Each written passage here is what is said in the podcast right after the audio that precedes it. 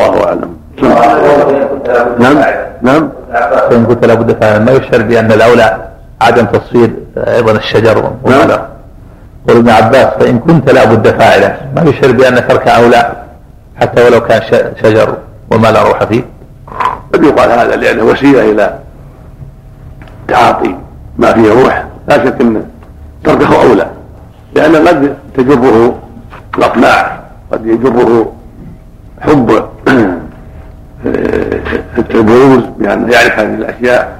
قد يجره إلى تصوير ذوات الأرواح كما هو الواقع كما هو الواقع. لأنه غالبا يقتصرون على الجماد فكونه يلتمس عملا آخر شيئا آخر ينتفع به اولى وأبعد عن الخطر. ولكنه الرجوله جائز عند أهل العلم. نعم. شيخ بالنسبة ألا يدخل في هذا الإثم تصوير المجاهدين الأفغان الفدية لا لا الحج عامة. لا ينبغي تصويره تصويرهم يمكن الخبر بدون تصوير. خبر عن جهادهم بدون تصوير. أقول إذا صلى في ثوب أو في شماغ يعيد الصلاة. الصحيح لا يعيد لكن يغير اللباس بس. ما لأن هذا مو منهي عنه. في الصلاه منهي عنه عنه عموم لا يلبسه مطلقا. والشيء اللي منهي عنه عموما لا يبطل الصلاة. إنه يبطلها الذي ينهى عنه فيها. كالكلام والنجاسة وأشباه ذلك. أما لو صلى في ثوب مصور أو ثوب حديد أو ثوب مغصوب فالصحيح لا تصح صلاته في خلاف العلم لكن الصحيح تصح الصلاة مع الإثم مع كونه اثما نعم. نعم.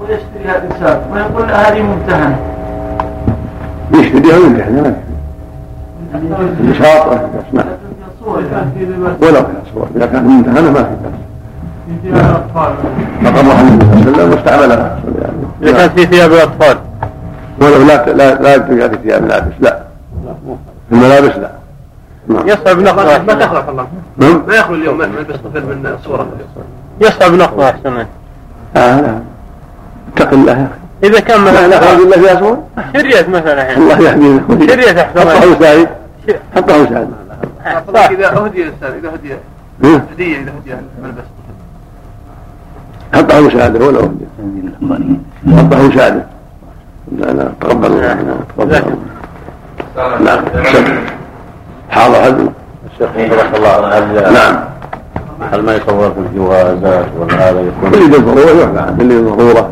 هو باختيار الإنسان يكون مكره مثل التابعية ومثل الجواز اللي يضطر إليه مثل إخوات المجرمين اللي يطلب إمساكهم وحفظهم المجرمين اللي يضطر إليه مستثنى من جنس يفرق بين المدارس أما أنا المدرسة لا ينبغي. لكن إذا كان مو بيده فهو مضطر. فيها خلاف منهم من رآها جائزة لأن وجد عند عائشة بنات لها كما في الحديث الصحيح وأن النبي يسرب إليها بناتها وأن عندها بعض الصور. فحكى القاضي عياض عن الجمهور أنها يسمح في صور البنات الصغار. لتعليم البنات هم العرائس وقال آخرون أنها يعمها المنع وأن الذي فعلت عائشة كان قبل المنع وأن بعد المنع يمنع حتى عوائش حتى صور الجواري الصغار البنات تعلمنا عليها. وهذا أحوط؟ أن تيسر. منع ذلك وأن يجعل لهن صور خاصة. من جنس اللي يفعلها النبي سابقا من صور مثل مصورة. خيط لهم كذا خياطات أو عظام ويجعلها لباس أو أعواد أو كذا. في بنات لهم غير المصورة لتصوير قبيح شنيع نسأل الله العافية. الأحوط تركها وخلافها مشهور نعم. نعم. فيه. يجوز ذلك رسم الجسد دون الرأس إذا أبعد الرأس مو بس خط. يقال بعض الناس خط لا. يبعد مرة يزال. نعم. ما في رسم طيب؟ ذات نعم. أقول ما يكون من الرسم لذوات الأرواح إذا أزيل الرأس بكلية ولا ولا وجد مثل ما الحديث قطع رأسه زال يعني حتى كان كانت الشجرة نعم الخط نعم. وضع فاصل بين الراس والجسم ما يكفي لا ما يكفي نعم. بسم الله الرحمن الرحيم. أقول يا شيخ بالنسبة للتعليم الأولاد مثلا في الطب أو في ال- في الرسم الآن في الم- إيش الحكم في الموضوع؟ يعني إذا كانوا يتعلموا من أجل ال- إذا دعت الضرورة إليه لا بأس إذا دعت الضرورة إليه مثل مسألة المكره.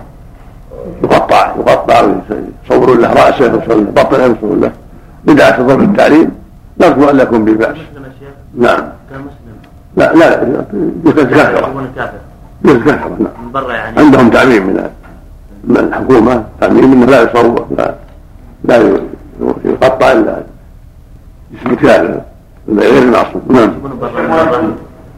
يجيهم برا نعم.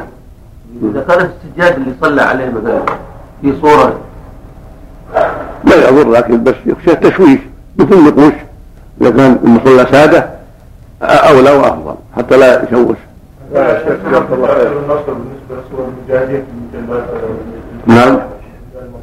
سبب لتأخير النصر. هذه الصور؟ نعم. ما تكون سببا يعني لتأخير النصر لكن تركها أولى ينبغي أن لا تصور. نعم. بسم الله الرحمن الرحيم. نعم. تصوير النساء في الجواز. هذا فتح باب شر بشكل المرأة في الحدود وجهها للرجال. ينبغي تركه. نسأل الله يوفق الدولة لتركه فقد نصحوا في هذا ونسأل الله يوفقهم. نسأل الله يوفقهم نسأل الله. يوفقهم. نعم. الحمد لله رب العالمين وصلى الله على نبينا محمد وعلى آله وأصحابه أجمعين. قال الحافظ العراقي رحمه الله تعالى يدعي يلبس على الناس يقول هذه زوجة هذه بنتي وهذه أختي هم فعلوا التصوير لجل منع التزوير هذا مقصود. حاطين في الجمرك بارك الله فيك. هذا نساء. فتش لكن لو مثلا خلوا هذا يكشف على وجهها والجوارح هو اصل هذا اصل هذا منع من التزوير خوف من التزوير نعم. بسم الله الرحمن الرحيم. الحمد لله رب العالمين. والصلاة والسلام على نبينا محمد وعلى آله وصحبه أجمعين. قال النبي ابن تيمية رحمه الله تعالى باب ما جاء في لبس القميص والعمامة والسراويل. عن أبي أمامة رضي الله عنه قال قلنا يا رسول الله إن أهل الكتاب يتسرولون ولا يأتزرون. فقال رسول الله صلى الله عليه وسلم تسرولوا واعتزروا وخالفوا أهل الكتاب رواه أحمد. وعن مالك بن عمير رضي الله عنه قال بعت برسول الله صلى الله عليه وسلم رجل سراويل. قبل الهجرة فوزن لي فأرجح لي. رواه أحمد وابن ماجه. وعن أم سلمة رضي الله عنها قالت كان أحب الثياب إلى رسول الله صلى الله عليه وسلم القميص. رواه أحمد وأبو داود والترمذي. وعن أسماء بنت يزيد رضي الله عنها قالت كانت يد كل قميص رسول الله صلى الله عليه وسلم إلى الرسل. رواه أبو داود والترمذي. وعن ابن عباس رضي الله عنهما قال كان رسول الله صلى الله عليه وسلم يلبس قميصا قصير اليد والطول. رواه ابن ماجه.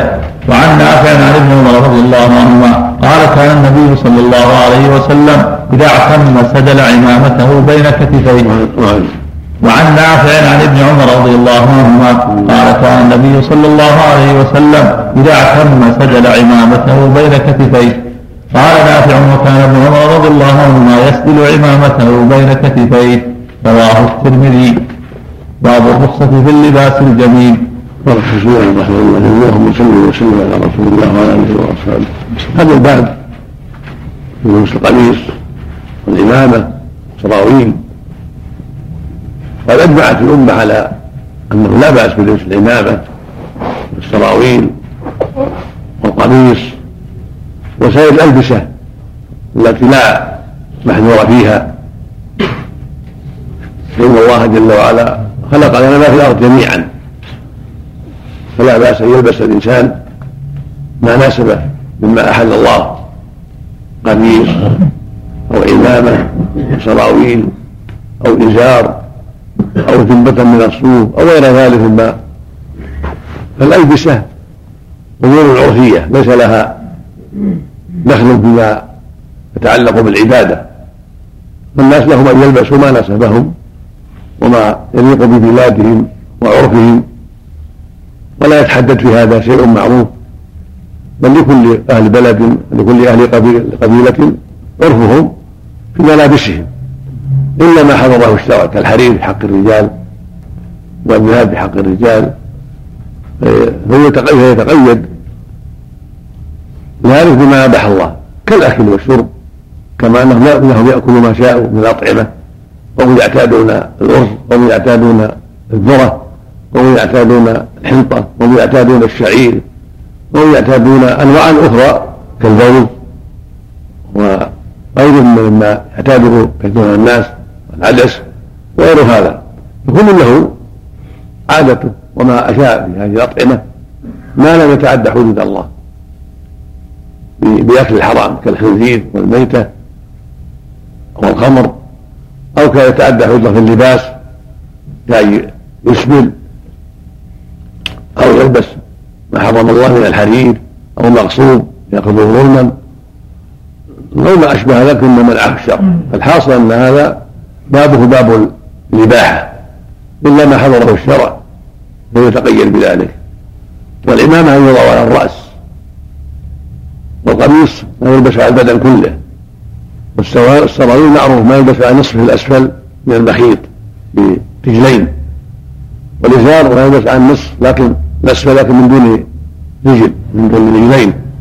فالإزار مطلق فرقة مطلقة يشدها على وسطه وهي أستر للمؤمن وأحسن من السراويل إذا كان ليس فوقه شيء. لأن السراويل قد تبين حجم العورة قد يحصل بها فتنة. لكن الإزار يكون أستر وأكمل لأنه لا يكون بين الرجلين شيء من الفضاء فلا يحصل بذلك شيء من الفتنة. وكلاهما جائز.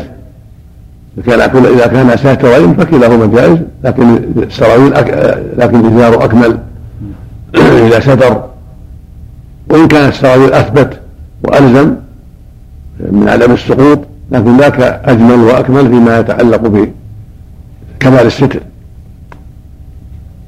وكان النبي صلى الله عليه وسلم يلبس لبس العرب. كان يلبس لبس العرب. وليس للمسلمين لبس خاص.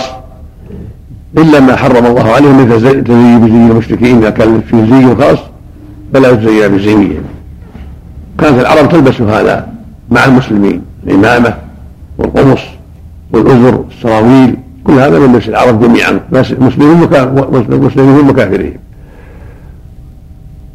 وفي حديث ابي امامه الحديث الأول؟ أن أن الصحابة قالوا يا رسول الله إن اليهود من أهل الكتاب يتسرون ولا يعتذرون.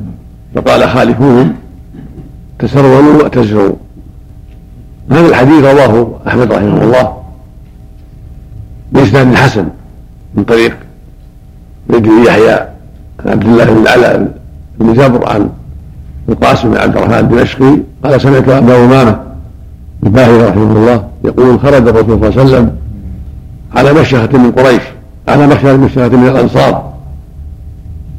على مشيخة من الأنصار بيض لحاهم فقال يا معشر الأنصار حملوا وصفروا وخالفوا أهل الكتاب. كما الحديث الآخر أنهم لا يسبقون فخالفوه.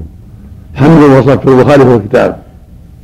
فقلنا يا رسول الله إن أهل الكتاب يتصورون ولا يعتذرون فلا تسروا وخالفوا أهل الكتاب. فقلنا يا رسول الله إن أهل الكتاب يتخففون ولا ينتعلون. فقال صلى الله عليه وسلم خالفوا الكتاب تخففوا وانتعلوا. وقلنا يا رسول الله إن أهل الكتاب يقصون عثامينهم يعني اللحى يعزمون اللحية. يقصون عثامينهم ويوفرون سبالهم. فقال عليه الصلاة والسلام خالفوا الكتاب وفروا اللحى وقصوا السبال.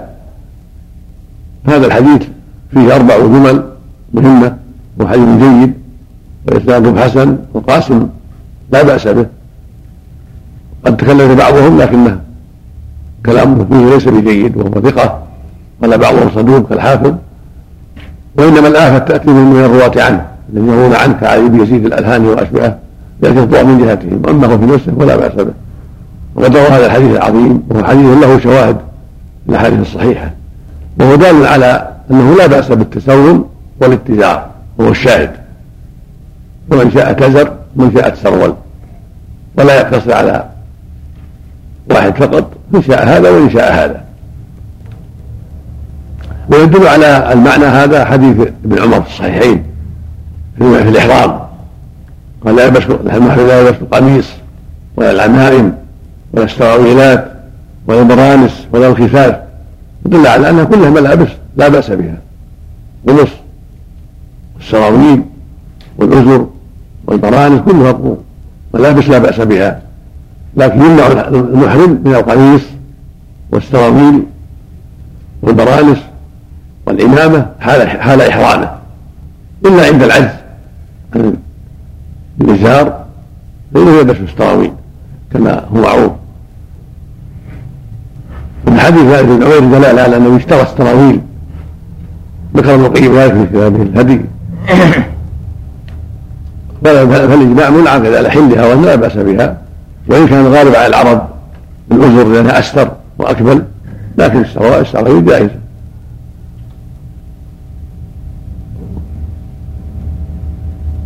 وكذلك حديث ام سلمه واسماء بنت يزيد في قول القميص هما حديثان حسنان لا بأس بهما يدلان على أنه كان يلبس القميص في بعض الأحيان وكان كله لا يتجاوز الرص ينتهي إلى الرص والرص نفس الذراع من الكف. هذا هو الأفضل يكون هذا حد القميص حد الكب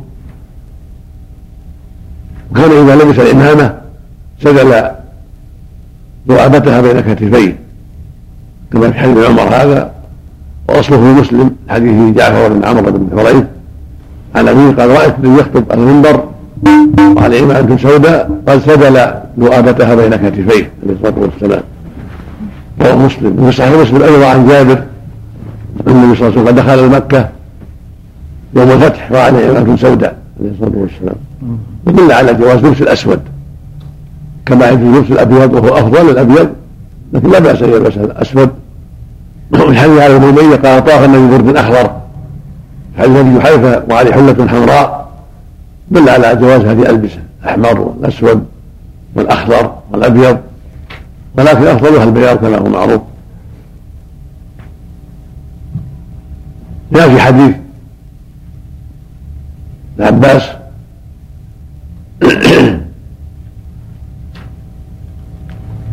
من حديث ركانه رواه أبو داود الترمذي عن ركانه النبي صلى الله عليه وسلم صارعه فصرعه وقال الصلاه فرق ما بيننا وبين المشركين؟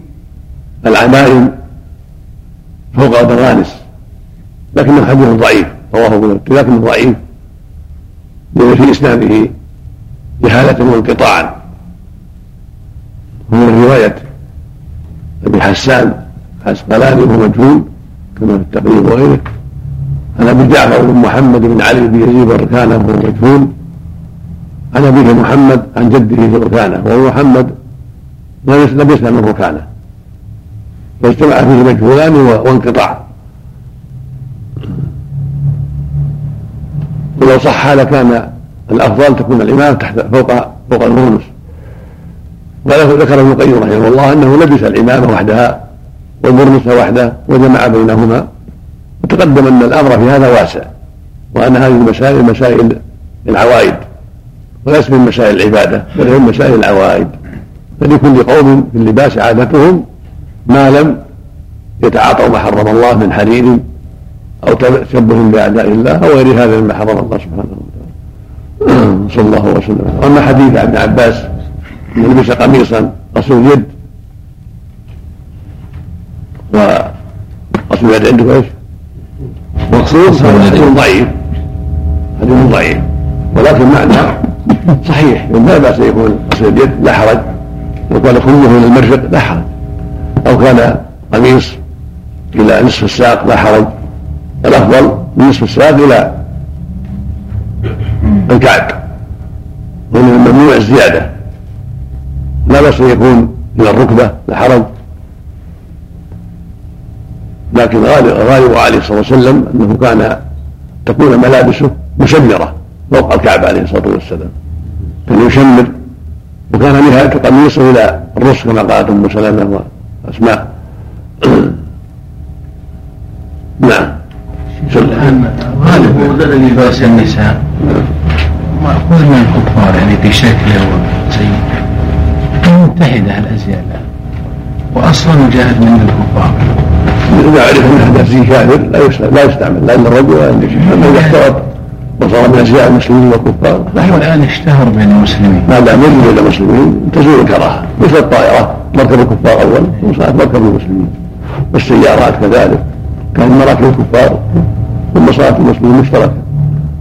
زال الزي من نعم. هي تحت العباءة الآن ولا نعم. هو زال لي فأرجح لي.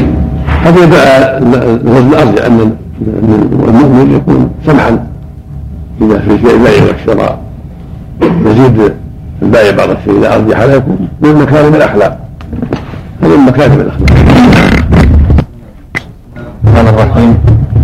الحمد لله رب العالمين وصلى الله وسلم على نبينا محمد. نعم هل ليس هذا؟ ما ما ما اعرف شيء ما ما بلغني شيء صحيح. نعم. رجل سراويل نعم. قوله رجل سراويل يعني جمع كنت تعبير يعني تحقيق يعني ذات رجلين. صاروا يعظم نعم. استاذن الازار نعم نعم. يعني واحد أو أو من الجماعة الله أعلم. روايه أخرى سراوي ما فيها رجل. نعم الشيخ ابن القيم بدل يعني قال قال ابن القيم في الهدي اشترى صلى الله عليه وسلم السراويل والظاهر انه انما اشتراها ليلبسها. لا ما ما يلزم نعم. نعم. الحمد لله رب العالمين والصلاة والسلام على نبينا محمد وعلى آله وصحبه أجمعين.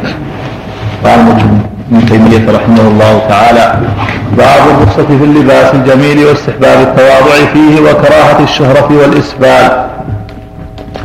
ابن مسعود رضي الله عنه قال قال رسول الله صلى الله عليه وسلم لا يدخل الجنة من كان في قلبه مثقال ذرة من كبر. فقال رجل إن الرجل يحب أن يكون ثوبه حسنا ونعله حسنا. قال إن الله جميل يحب الجمال الكبر بطر الحق وغمص الناس. رواه أحمد ومسلم. وعن سهل بن معاذ الجهني عن أبيه عن رسول الله صلى الله عليه وسلم أنه قال من ترك أن يلبس صالح الثياب وهو يقدر عليه تواضعا لله عز وجل. دعاه الله عز وجل على رؤوس الخلائق حتى يخيره في حلل الإيمان أيتهن شاء. رواه أحمد والترمذي. وعن ابن عمر رضي الله عنهما قال قال رسول الله صلى الله عليه وسلم من لبس ثوب شهرة في الدنيا ألبسه الله ثوب مذلة يوم القيامة. وعن ابن عمر رضي الله عنهما قال قال رسول الله صلى الله عليه وسلم من لبس ثوب شهرة في الدنيا ألبسه الله ثوب مذلة يوم القيامة. رواه أحمد وأبو داود وابن ماجه. وعن ابن عمر رضي الله عنهما قال قال رسول الله صلى الله عليه وسلم من جر ثوبه خيلاء لم ينظر الله إليه يوم القيامة. فقال أبو بكر رضي الله عنه إن أحد شقي إزاري يسترخي إلا أن أتعاهد ذلك منه. فقال إنك لست ممن يفعل ذلك خيلاء رواه الجماعة إلا أن مسلم وابن ماجه والترمذي لم يذكروا قصة أبي بكر رضي الله عنه. وعن ابن عمر رضي الله عنهما عن النبي صلى الله عليه وسلم قال الإسبال في الإزار والقميص والعمائم. من جر شيئا خيلاء لم ينظر الله إليه يوم القيامة. رواه أبو داود والنسائي وابن ماجه.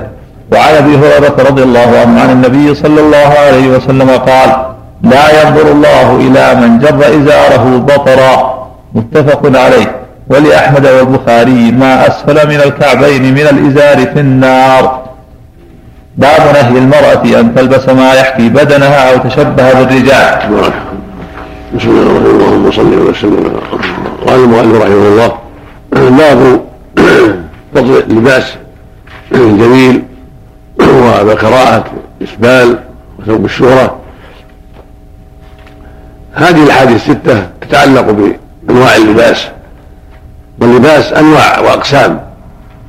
منه ما هو محرم منه ما هو مشروع منه ما هو ما هو مباح منه ما هو مكروه. ويبدو بين التحريم والكراهة. فلباس الجميل من الثياب أمر مطلوب ومشروع. وكان عليه الصلاة والسلام يلبس الحسن من الثياب والله يقول يا بني آدم خذوا زينة عند كل مسجد. وفي حديث عبد الله بن مسعود هنا يقول إن الله جميل يحب الجمال كما قال عليه الصلاة والسلام لا يدخل الجنة من كان في قلبه مثقال حبة خردل من كبر. واللفظ الآخر مثقال ذرة من كبر. فقال له يا رسول الله الرجل يحب أن يكون ثوبه حسنا ونعله حسنه فقال عليه الصلاة والسلام إن الله جميل يحب الجمال. فهذا يدل على فضل التجمل اللباس الحسن بما فيه من إظهار نعمة الله عز وجل. قد قال عليه الصلاة والسلام إن الله إذا أحب أنعم على عبد نعمة أحب ان يرى أثر نعمته عليه وإظهار النعم ما أعطاه الله من الخير وعدم التشبه بالفقراء الذين حرموا هذا من شكر الله عز وجل ومن اظهار نعمة الله سبحانه وتعالى. وداخل في قول خذوا زينتكم وفي قوله إن الله جميل يحب الجمال. ثم قال عليه الصلاة والسلام الكبر بطر الحق.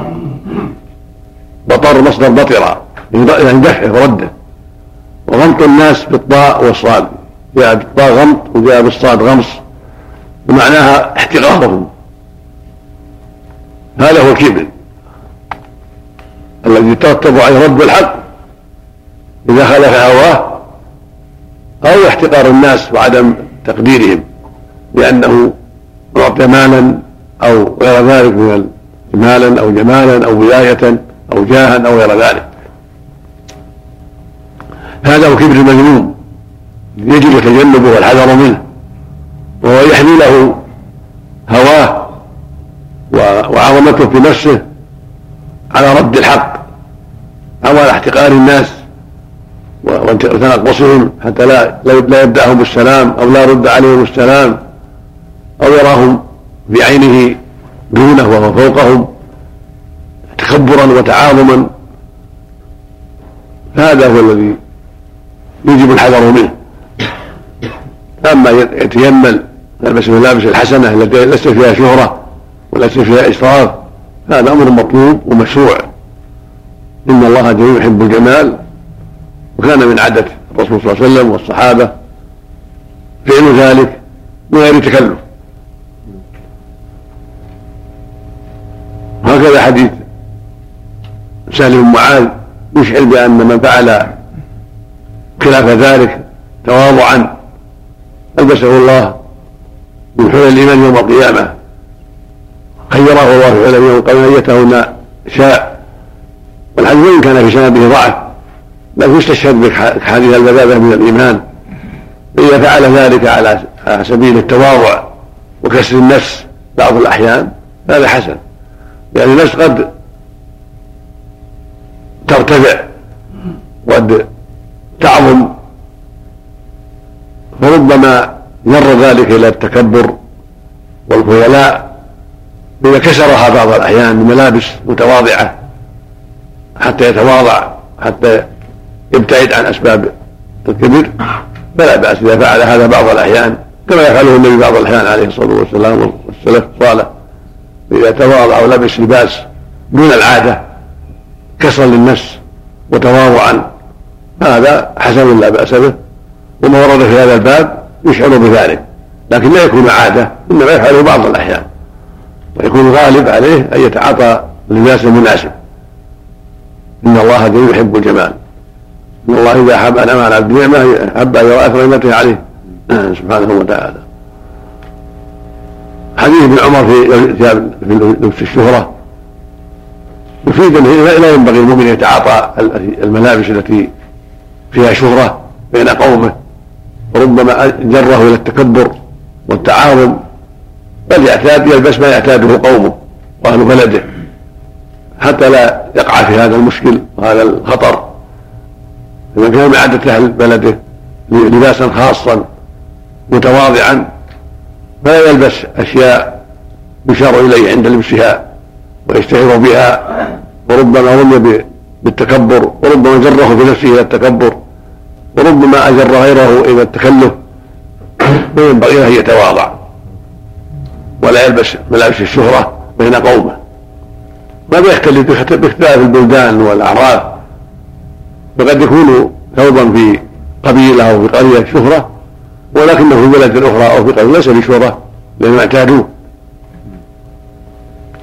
وهكذا قول الحج عن نظر إن الاشبال يكون في العمامه وفي الإزار وفي القميص. كل ما يطول من هذا هو إسبال طول الإمامة حتى سحبت في الأرض. أو طول القميص حتى سحب تجاوز الكعب أو الإزار أو السراويل كله يكون فيه إسبال. وهكذا العباءة والقباء كل ما لبس الإنسان إذا زادت على الكعب صار إسبال. ولهذا في حديث أبي هريرة الأخير ما أسلم من الكعبين من الازار فهو في النار رواه البخاري. وخر منه وخرج مسلم في صحيحه من حديث أبي ذر رضي الله تعالى عنه عن النبي عليه الصلاة والسلام قال ثلاثة لا يكلمهم الله ولا يوم القيامة ولا يزكيهم ولهم عذاب المسلم الازاره والمنان فيما أعطى والمنفق سلعته من حديث ذلك ولم يقيده بالتكبر كما في حديث أبي هريرة أيضا. فدل على تحريم الاسبال والمؤلف كراهة فيه تسامح تساهل. صواب تحريم الإسبال وليس بالمكروه فقط. كراهة اصطلاحيه بل هو محرم لمزيد الوعيد عليه. وهو من الكبائر وإذا كان مع التكبر صار أعظم. لهذا في حديث عمر جاء ضرب الخيلاء لمنزل الله يوم القيامة حديث هريره بطرا تكبرا. هذا يكون أعظم وأشد إذا كان عن التكبر. وعن قصد التعاظم. يكون أشد في الإثم. وإذا سحبه تساهلا واعتيادا لذلك دخل في الإثم أيضا. أما من غلبه ثوبه بعض الأحيان من غير قصد كان ينخلع الرفاع أو الازار ينخلع ثم فعل الصديق فهذا لا يضره. إذا تعاهد ولاحظه وليس من يفعل هذا خيلاء وهذه قصة الصديق أنه كان قد يعني يسترخي إزاره فلا يكون مسبلا في هذا لأنه إنما يفعل يقع ذلك من غير اختياره فلهذا يتعاهد وإلا أن يتعاهد ومن جر ذلك عارضا وانحدر ثوبه عارضا ثم تلافاه واجتهد لا يدخل في الإثم. لكن من يتعمد مثل فعل الناس اليوم يتعمد سحب ثيابه هذا ظاهر فيه الكبر وان لم يفعله كبرا فهو يجره إلى الكبر. ويجر الناس إلى أن يشابهوا ان يتشبهوا به أيضا. فالاحاديث عامة لهؤلاء الذين يسحبون ثيابهم وبشوتهم عمدا وقصدا ولو ولو زعموا أنهم ما تكبروا. فالاحاديث عامة تأمهم وتدل على تحريم فعلهم. وفي الغالب أنهم يكذبون إذا قالوا ما أراد التكبر يكذبون. وهم بين تكبر أو بين إسراف والتساهل في ما أمر الله به ورسوله. فهو فهو أيضا فيه إسراف وزيادة لا وجه لها. وجرى ذكر عمر رضي الله لما طعن دخل عليه شاب فرأى ثوبه يمس الأرض بعدما أدبر. فدعاه وقال يا ابن أخي ارفع ثوبك. فانه اتقى لربك وأنقى لثوبك. مع أن في حال مرض وحال شده رضي الله عنه وأرضاه. ارفع ثوبك فانه اتقى لربك وأنقى لثوبك. أو قال أبقى لثوبك جاء هذا وهذا فالحاصل أن الذي يظهر من الادله تحريم الاسبال مطلقا ولكن مع الكبر يكون الإثم أكبر. والاحاديث دالت على هذا وعلى هذا. ثم هناك أمور أخرى مثل ما تقدم أنه فيه إسراف وفيه توسل إلى الكبر وطريق إلى الكبر إن لم يفعله كبرا. والغالب أنهم يفعلونه عن تكبر وعن خيلاء وعن تعاظم. ومن سلم من هذا في بعض الأحيان فهو وسيلة إلى أن يقع منه ذلك. مع ما فيه من الإفساد والإسراف وتعريف ملابسه للنجاسات والأوساخ فلا يليق بمؤمن ذلك ابدا. والله المستعان. نعم نسأل الله والله يهدينا والمسلمين جميعا. الواجب على المسلمين التناصح في هذا التناصح وانكار المنكر ما يكون ابدا. الله الهادي الله الهادي نعم. الأخوان. نعم. ما اعرف ما اعرف ما أسلم من كعبين فهو في النار. رواه البخاري نعم. إن الله جميل. يقال اسم روايه أخرى إلى الكعب لما وصف لهم اذا إلى الكعب. نعم. الله جميل. وصف لله في الجمال. والجمال معروف. ضد ضد الدمامة والقباحة. فهو أجمل شيء سبحانه واكرم شيء وأكمل في كل شيء سبحانه. هو اكمل في جميع الأوصاف من علم وفضل وحكمة وحكمة وحلم وقوة وقدرة وعلم وغير هذا. فله الكمال من جميع الوجوه والكمال من كل الوجوه سبحانه وتعالى. نعم. يختلف بحسب أحوال الناس بحسب البلاد والقرى والقبائل. نعم. يشمل النساء أحسن الله. نعم. يشمل النساء ثوب الشهرة تحريم ثوب الشهرة. والظاهر يشمله. من عامة ومن عامة نعم.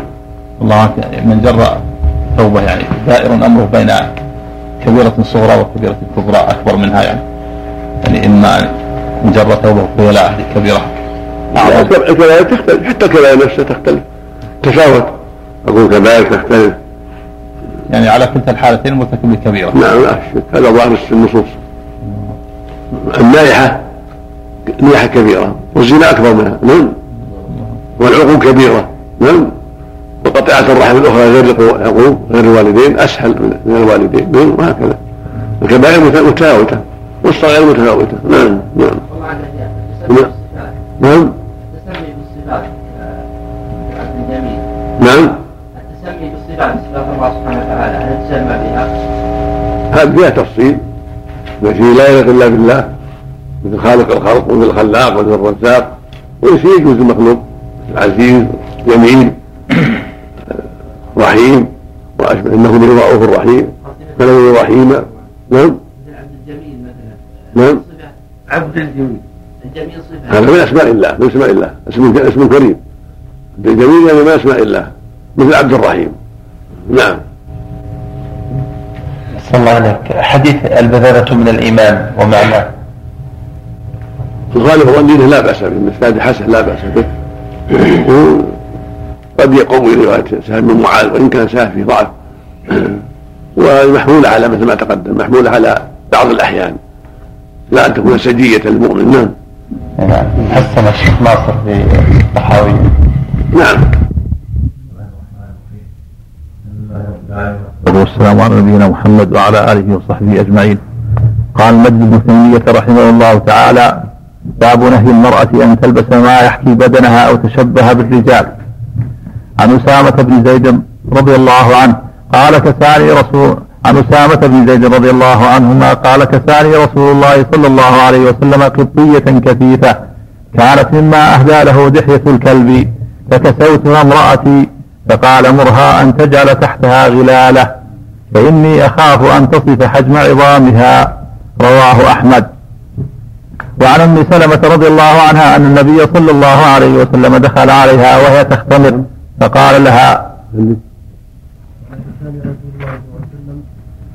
قصة كثيرة كانت ما أهدى له لحية الكلبي فكسوته امرأتي فقال رسول الله صلى الله عليه وسلم ما لك لا؟ تلبس القبطية فقلت يا رسول الله كسوت امرأتي نعم ما لك لا ما كلمة ما لك. لا صادق عندك؟ نعم.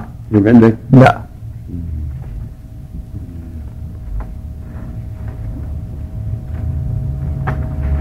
يرجع الاصل هذا لأحمد؟ نعم. يرجع الاصل شوكاني أيضا نعم. فكسوت امرأتي فقال مرها أن تجعل تحتها غلالة. فإني أخاف أن تصف حجم عظامها. رواه أحمد شوف عليه عرضنا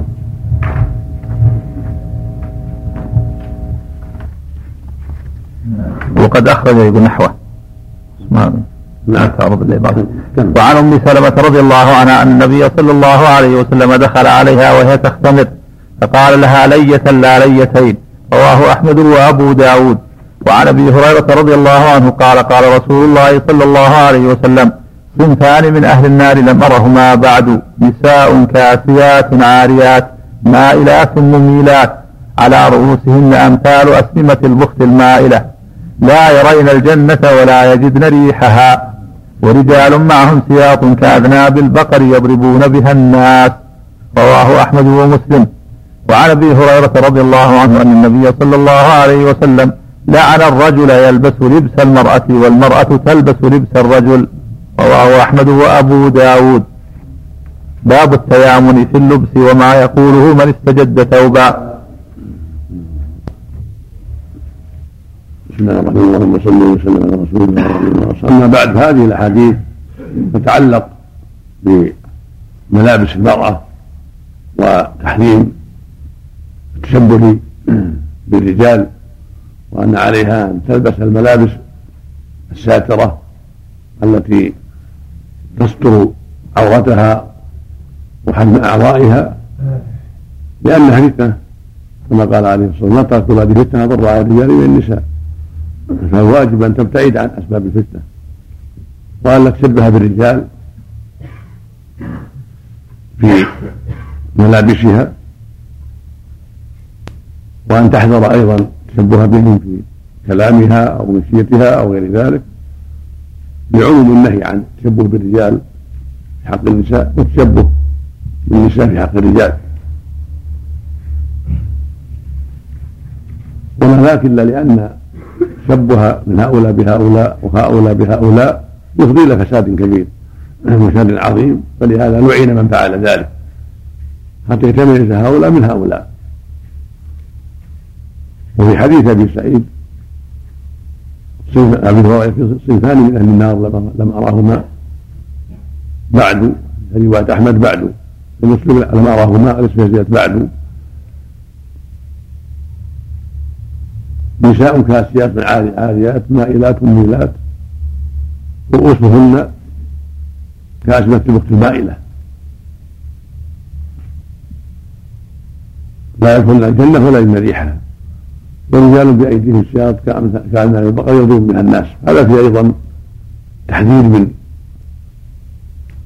التساهل بالملابس حتى تشبه العري. فإن كسوها القصيرة والرقيقة كالعدم كالعري.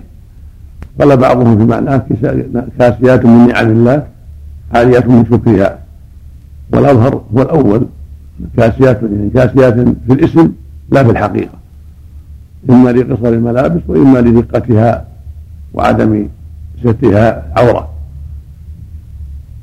مائلات مميلات مائلات عن الحق والعفة. مميلات لغيرهن إلى الفساد والفاحشة. رؤوسهن كاسده الوقت المائلة. ولا تحمد على رؤوسهن كاسده الوقت المائلة. هذا من هذا قد ذكر العلماء إنهم يضخمن رؤوسهن ويجعلن عليها ما يضخمها حتى تكون كاسده الوقت المائلة. هذا يدل على ينبغي بل يجب عليها أن تبتعد عن ما يظهرها بغير المظهر الحقيقي في ما تجعل على رأسها كما أن عليها أن تستتر وأن تبتعد عن أسباب ظهور العورة أو التشبه بالرجال. فلا تشبه ولا تساهل في الملابس ولا زيادة. لا وجه لها تجعلها في صورة غير الصورة الحقيقية في ما تضخم به رأسها وتجعله على رأسها.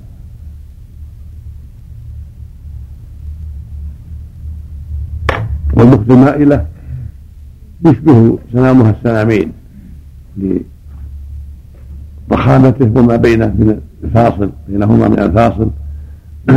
فيها تولد رأسها وتجعل عليه أشياء مما يضخمه ولعل هذا لأسباب تقع في عادة بعض البلدان وعادة بعض القبائل والقرى قد يكون لهن أسباب ويفعلن هذه الأفعال التي تضخم الرأس.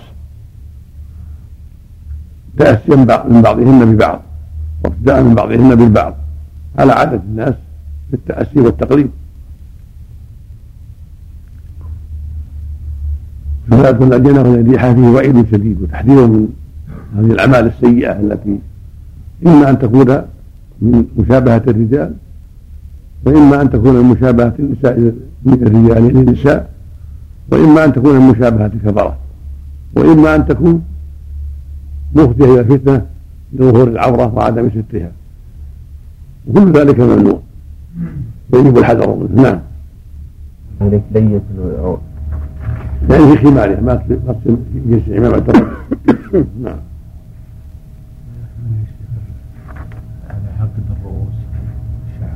هذا ما يضخم هذا الا إذا جاء معه شيء. وذوي العقد الراس ما يؤخرها نعم. ما نعلم به شيء. لكن الأفضل على العاده القديمه كونه مسنون نعم. إما خلفها وإما على جانبها وخلفها هذا هذا هو الأفضل وهذا هو الجمال. وإذا جاء العقد هكذا يعقد هكذا أو هكذا قد يفضي إلى ترخيم الرأس بأشياء أخرى. وإن كان هذا لا يكفي الترخيم قد قد تجعل عليه أشياء تضخم قد يجر إلى التضخم وقد الحاجة قد يكون هذا هذا يزول هذا يفعل عند الحاجة ثم يزول ثم يطلق. لا ينهى عنه. ما نعلم في شيء عند الحاجة مثل العمل. أعمال. نعم. نعم. ثياب الضيقة يا شيخ. من هذا الباب. لا لا يجوز. وتكون وسطا لا واسعة تبين عورتها ولا ضيقة تبين حجم العورة. نعم. لا سيما حجم العورة. لأنه يفضي حتى في البيوت يفضي إلى لأنه يفضي إلى ظهورها لحمي أخي زوجها ولخادمها. سد الباب أولى حتى تعتاد اللباس الساتر واللباس المتوسط. لأن إذا اعتادت القصير والرقيق الغالب انها تجرأ على ظهورها عند أخي زوجها أو عمه أو أو الخادم أو السائق أو نحو ذلك. نعم. هو المورد هذا يجب. يجب النهي نعم نعم. هذا من باب الوعيد من باب الوعيد. مثل حد باب الجنة تقاطع الرحم باب هجر النمام من باب الزج والوعيد وليس معناه أنه كافر لا. نعم. الله نعم. الاحتمالات الذي الاحتمالات التي ذكرت في في نساء كاسيات عاريات. انه كاسية من نعم الله لا إما أن تفتن نعم. يعني تشبه بالرجل أو تفتن الرجال أو هذه الاحتمالات في في حديث أبي هريرة ولا في حديث أسامة؟ انها أن تلبس لبسه الرجل. في حديث أبي هريرة أن تلبس لبسه يعني تلبس الرجل لبس المرأة والمرأة لبس الرجل. هذا على ظاهره. في الملابس تلبس لبسته حتى توهم أنها رجل أو العكس. وهذا أحد معنى الحديث الآخر عن رسول المخلفين الرجال والمتربيات من النساء. لأنه يفضي حتى يفضي إلى لأنه يفضي إلى ظهورها لحمي لأخي زوجها ولخادمها. سد الباب اولى حتى تعتاد اللباس الساتر والبس المتوسط. لأن إذا اعتادت القصير والرقيق الغالب أنها تجرأ على ظهورها عند أخي زوجها أو عمه أو أو الخادم أو السائق أو نحو ذلك. نعم. هو هذا تجب يجب النهي نعم. نعم. هذا من باب الوعيد من باب الوعيد مثل حد الزجر باب الجنة تقاطع الرحم باب هجر النمام من باب الزج والوعيد وليس معناه أنه كافر لا. نعم. الله. نعم. الاحتمالات الذي الاحتمالات التي ذكرت في في نساء كاسيات عاريات أنه كاسية من نعم الله لا إما أن تفتن يعني تشبه بالرجل أو تفتن الرجال أو هذه الاحتمالات في في حديث أبي هريرة ولا في حديث أسامة؟ إنها أن تلبس لبسة الرجل. في حديث أبي هريرة أن تلبس لبس يعني تلبس الرجل لبس المرأة والمرأة لبس الرجل. هذا على ظاهرة. في الملابس تلبس لبسته حتى توهم انها رجل أو العكس. وهذا أحد معنى الحديث الآخر عن رسول المكلفين الرجال والمترددات من النساء. قال احمد رواه البخاري رحمه الله. المعنى هو هذا إما في اللباس وإما في شيء آخر من المشيه أو الكلام ونحو ذلك مما يتأسى بهؤلاء بهؤلاء وهؤلاء بهؤلاء. الواجب أن تمتاز هي عن الرجل وهو يمتاز عنها في كلامه وبشكله وملابسه وغير ذلك حتى لا يكون أي اشتباه. واللبسة من واللبسة من ذلك اللبسة من كسر الهيئة. هيئة اللبس. قد تتشبه به في كلامه. تتشبه به في المشي. نعم. أصله مباح إذا كان على غير على غير الطريقة التي يلبسها الرجال. لكن بسبب إنه في الغالب من الرجال ينبغي لها تركه. ولهذا يستنكر منها ذلك لأنه في الغالب يكون شبه الله للرجال لأن الرجال يغلب عليهم البياض. إنه لو لبسته على طريقة خاصة تخص النساء ما ما صار في تشبه نعم. مثل ما تلبس الاحمر ويلبس الاحمر والأخضر والأسود كلهم يلبسون. باب التيامن في اللبس وما يقوله من استجد ثوبا. عن أبي هريرة رضي الله عنه قال كان رسول الله صلى الله عليه وسلم إذا لبس إذا لبس قميصا بدأ بالميامنه وعن أبي سعيد رضي الله عنه قال كان رسول الله صلى الله عليه وسلم إذا استجد إذا استجد ثوبا سماه باسمه عمامة أو قميصا أو رداء. ثم يقول اللهم لك الحمد أنت كسوتنيه أسألك خيره وخير ما صنع له وأعوذ بك من شره وشر ما صنع له. رواهما الترمذي. وهذا أيضا يدل على شرعيه البداء بالميامن والحديث هذا صحيحه الحديث الصحيحه رواه أهل السنن هي هو إذا إذا توضأتم فابدأوا من يمينكم. في الروايه الاخرى أو لبستم فابدأوا من يمينكم. حديث عائشة يعجبه التيمم بتناوله وترجله وطهوره ومن شأنه كله. حديث دلت على احد يبدا باليمين وإذا نزع يبدا بالشمال واحاديث هذا كثيرة. كلها تدل على شرعية البدء في اليمين. في اللبس سواء كان قميصا أو سراويل أو نعلا أو غير ذلك كل ما له يمين وشمال فالسنه البدء في اليمين في اللبس. وبالشمال في الخلع. وهكذا في الأكل اليمين. هكذا في المصافحه باليمين ولهذا في شأنه في شأنه كله. القاعدة أن اليمين للأخذ والعطاء والمصافحة وما ما يفضل ويعظم واليسار لخلاف ذلك للمفضول والقدر ونحو ذلك. وما كان له يمين وشمال يبدأ فيه باليمين في الوضوء يبدأ باليمين في اليدين والرجلين. في القميص يبدأ باليمين يدخل كله يمن في البشت كذلك في الجبة كذلك في النعل كذلك في الخف كذلك في السراويل كذلك. عملا بالسنة. والسنة لمن استجد جديدا من عمامة أو قميص أو بشت أو غير ذلك أن يقول الحمد اللهم لك الحمد أنت كسوتني أسألك خيره وخير ما صنع له. وأنت من شره وشر ما صنع له. هذا الحديث رواه أبو داود والجماعة بإسناد صحيح على شرط مسلم. السنة يقول هكذا. قال أبو نضرة الراوي عن أبي سعيد هذا الحديث. قال كان أصحاب النبي صلى الله عليه وسلم إذا استجد أحدهم جديدا يقول له أخوه تب لي ويخلف الله تب لي ويخلف الله. هذا يستحب. يقال لمن استجد جديدا تب لي ويخلف الله. والنبي صلى الله عليه وسلم أعطى أم خالد الخميصه التي فيها بعض العلامات حسنة قال أبلي وأخلقي أبلي وأخلقي. مستحب أن يقال لها ابل ابلي واخلق أو تبلي ويخلف الله. وهو يقول اللهم لك الحمد أنت كسوتني.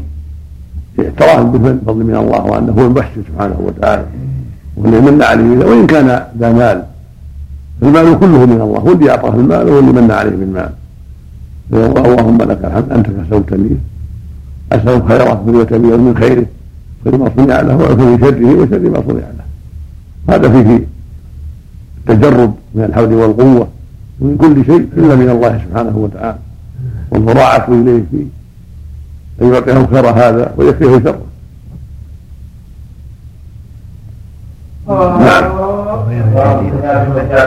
رابع الصلوات. ما سمعت إلا الجديد اللي ما سمعت فيه. أنا ما سمعت فيه. نعم. هذا جاء في الجديد نعم. سم. نعم. قول الرجال معهم سياق كابن ابي بكر هذا قيل فيه إنهم الشرط وأشباههم. وكل من يأخذ السياط لظلم الناس سواء سموا شرطا أو جنودا أو عساكر أو غير ذلك. فيه وعيد إذا ظلموا الناس. أما إذا كانوا بحق فلا فلا خطر عليهم. لكن في الغالب أنهم قد يظلمون الناس. ولهذا جاء الحديث في ذنبهم. نعم. نسأل الله العافية نعم. الحمد لله الرحيم. الحمد لله رب العالمين والصلاة والسلام على نبينا محمد. محمد بن تيمية رحمه الله تعالى. عبد الله بن هشام جد أبي عقيل نعم نعم. عبد الله بن هشام أبواب اجتناب النجاسات ومواضع الصلوات. باب اجتناب النجاسات في الصلاة والعفو عمن لم يعلم بها. عن جابر بن سمرة رضي الله عنه قال سمعت رجلا سأل النبي صلى الله عليه وسلم أصلي في الثوب الذي آتي فيه أهلي؟ قال نعم إلا أن ترى فيه شيئا فتغسله. رواه أحمد وابن ماجه. وعن معاوية قال قلت لأم حبيبة رضي الله عنها هل كان النبي صلى الله عليه وسلم يصلي في الثوب الذي يجامع فيه؟ قالت نعم إذا لم يكن فيه أذى. رواه الخمسة إلا الترمذي. وعن أبي سعيد رضي الله عنه عن النبي صلى الله عليه وسلم أنه صلى فخلع عليه فخلع الناس نعالهم فلما انصرف قال لم خلعتم؟ قالوا رأيناك خلعت فخلعنا. فقال إن جبريل أتاني فأخبرني أن بهما خبثا. فإذا جاء أحدكم المسجد فليقلبن عليه ولينظر فيهما فإن رأى خبثا فليمسحه بالأرض ثم ليصلي فيهما. رواه أحمد وأبو داود. وفيه دليل أن دلك النعال يجزي وأن الأصل أن أمته أسوته في الأحكام وأن الصلاة في النعلين لا تكره وأن العمل اليسير معفو عنه. باب حمل المستجب. هذا الباب في اجتناب هذه الابواب في اجتناب النجاسات وهو دخول الصلاة في غاية من الطهارة من الأحداث والأخباب والمؤمن مأمور بأن يدخلها طاهرا من حدثه وخبثه قال تعالى ثيابك فطهر قال لفاطمة بنت قال لأسماء بنت أبي بكر لما ذكرت له ما يصيب الثوب من الدم. قال حتيه ثم قصه الماء ثم انصحيه ثم ثم صلي فيه. فالمؤمن والمؤمنة مأموران بأن يدخل الصلاة بطهارة في أبدانهما ومصلاهما كما أنهما مأموران بالطهارة من الأحداث.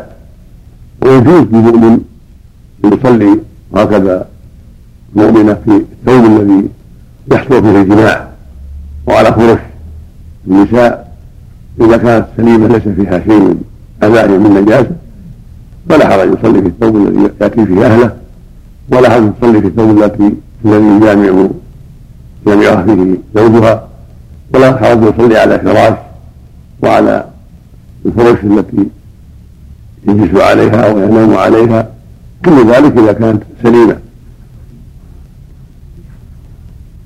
حديث أبي سعيد يدل على هذا المعنى أيضا وأن المؤمن يتجنب نجاسة فيما يتعلق به وقت الصلاة من ملابس أو نعال.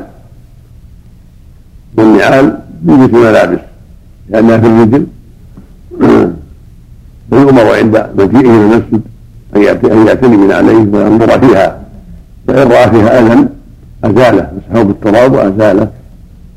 ولهذا في حديث أبي سعيد أنه صلى الله عليه وسلم كان يصلي به في نعليه ثم خلع عليه في أثناء الصلاة. خلع الناس من نعالهم؟ فلما سلم سألهم لماذا خلعتم نعالهم؟ قالوا رايناك خلعتنا عليك خلع نعالنا قال إن جبريل آتاني فخرج بهن خبثا خلعت خلعتهما فاذا آتى حديثه ينظر فإن رأى فينا عياذا فليمسحه. وإن فليقلب عليه فإن رأى فيهما قدر فليمسحه ثم يصلي فيهما. وفي الأصل الآخر إذا وطئ أحدهما بكفه فطهورهما التراب هذا يدل على فوائد. منها ابي سعيد حديث جيد صحيح على شرط مسلم. منها أن الإنسان إذا نسي نجاسة في ثوبه أو في خفه أو نعله ولم يعلم إلا بعد الصلاة أو جهلها صلاته صحيحة لأن الرسول لم يأمره لأن الرسول صلى الله عليه وسلم يعيد أول صلاته بل استمر في صلاته وخلعنا عليه. ولعمق قوله جل وعلا ربنا لا تؤاخذنا إن نسينا أو أخطأنا. بل يجعله يذكر النجاسة في ثوبه أو في بدنه إلا بعد السلام أو لم يعلمها إلا بعد السلام. فصلاته صحيحة. ليس من الحدث الحدث أشد. هذه أشياء يجب التخلص منها واطراحها فإذا جهلها أو نفسها عفي عن ذلك. أما الحدث فلا بد من طهارة. عبادة مقصودة. فإذا صلى ولم يتوضأ أو لم يغتسل من الجنابة لم الإعادة بلا خلاف. وإن كان نسيا ولو ناسيا تلزمه الإعادة بلا خلاف. أن يصلي في صلاة من صلاها بغير وضوء أو بغير غسل. وفيه من الفوائد أنه إذا تذكر شيئا في الصلاة بما فيها خلعه وأزاله في ثوبه أو في عمامته أو في نعله أو في غير ذلك يخلعه ويستمر في صلاته. ولو دخل في الصلاة ثم تذكر أن فترة فيها شيء صابها نجاسة من بول صبي أو غيره طرحها أو عباءته. أو نعله يكفي ذلك؟ ويستمر في صلاته كما خلع النبي عليه واستمر. وفي من الفوائد جواز الصلاة في النعلين والخفين ولا حرج في ذلك. كان النبي يصلي في نعلين كما في الصحيحين من حديث أنس وكما في حديث سيد هذا. والصحابة يصلون كذلك في نعالهم وابن ما خلعها وجعلها يساره عليه الصلاة والسلام. وقال عبد الله بن عمر من كان يصلي حافيا ونائلا عليه الصلاة والسلام. فاذا صلى نعليه فلا بأس وإن خلعهما فلا بأس. والافضل يجعلهما عن يساره لأنه ثبت عنه لما خلعهما جعلهما عن يساره والواجب على من أتى المسجد أن يعتني بنعليه حتى لا يدخل بقدر في المسجد وحتى لا يلبس المسجد أو يغدره والمسجد مأمور بتنظيفه وتطهيره وإزالة الأذى عنه حتى القلم فالواجب على من اتى المسجد أن يعتني بهذا الشيء ولا يدخله بنعل أو خف إلا بعد العناية. ووجد فيها أذى مسح ذلك وحك ذلك حتى يزول ثم يدخل فيصلي في عليه ان شاء أو يجعلهما بين رجليه خلعهما ويجعلهما بين رجليه ولا يؤذي بهما احدا لا عن يمينه ولا عن شماله ولا أمامه. إذا خلعهما جعلهما بين رجليه عند ركبتيه. حتى لا يؤذي بهما أحدا ولا يجعلهما امامه لكن لما وجد الفروش الآن في المساجد معلوم أكثر الناس لا يبالي من عليه وليس عندهم من العناية حيطه ما يجعلهم يعتنون بنظافتها. والاظهر أنه لا يصلي فيها حينئذ بل يحفظها في مكان حتى لا يوسخ المساجد ولا يقدر الفروش ولا ينفر الناس من من الصلاة في المساجد. بخلاف الحالة الأولى وجود الرمل الحصى فإن الأمر أسهل ويتحمل ما قد يقع من تراب وأوساخ لأنها تثب بين الحصبة والجمال والتراب. أما اليوم فإن الفرص تتأثر وغالب الناس لا يبالي ولا يعتني بالخف والنعل بل يحصل من ذلك ما يقدر الفروش ويسلكها وينفر الناس من السجود عليها. الله المستعان. نعم. والحكم والأحكام تدعو مع علها نعم. ولا الجواز؟ الاظهر الاستحباب الاظهر الاستحباب ولهذا الحديث الآخر إن اليهود النصارى لا يصلوا في عليهم خالفهم نعم. الثوب الذي جامع فيه لا بأس إذا كان جامع لكن ما فيه كاد وإن أصاب له نجاسة بول ولا مدري نعم. نعم يكون يتنجس المنية نعم. المنية يتنجس نعم والسنة حكة إذا كان يابسا وقصده إذا كان رطبا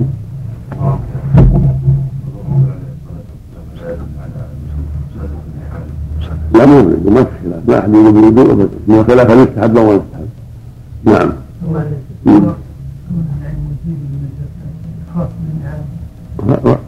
النعال والخف نعم. نعم نعم. نعم.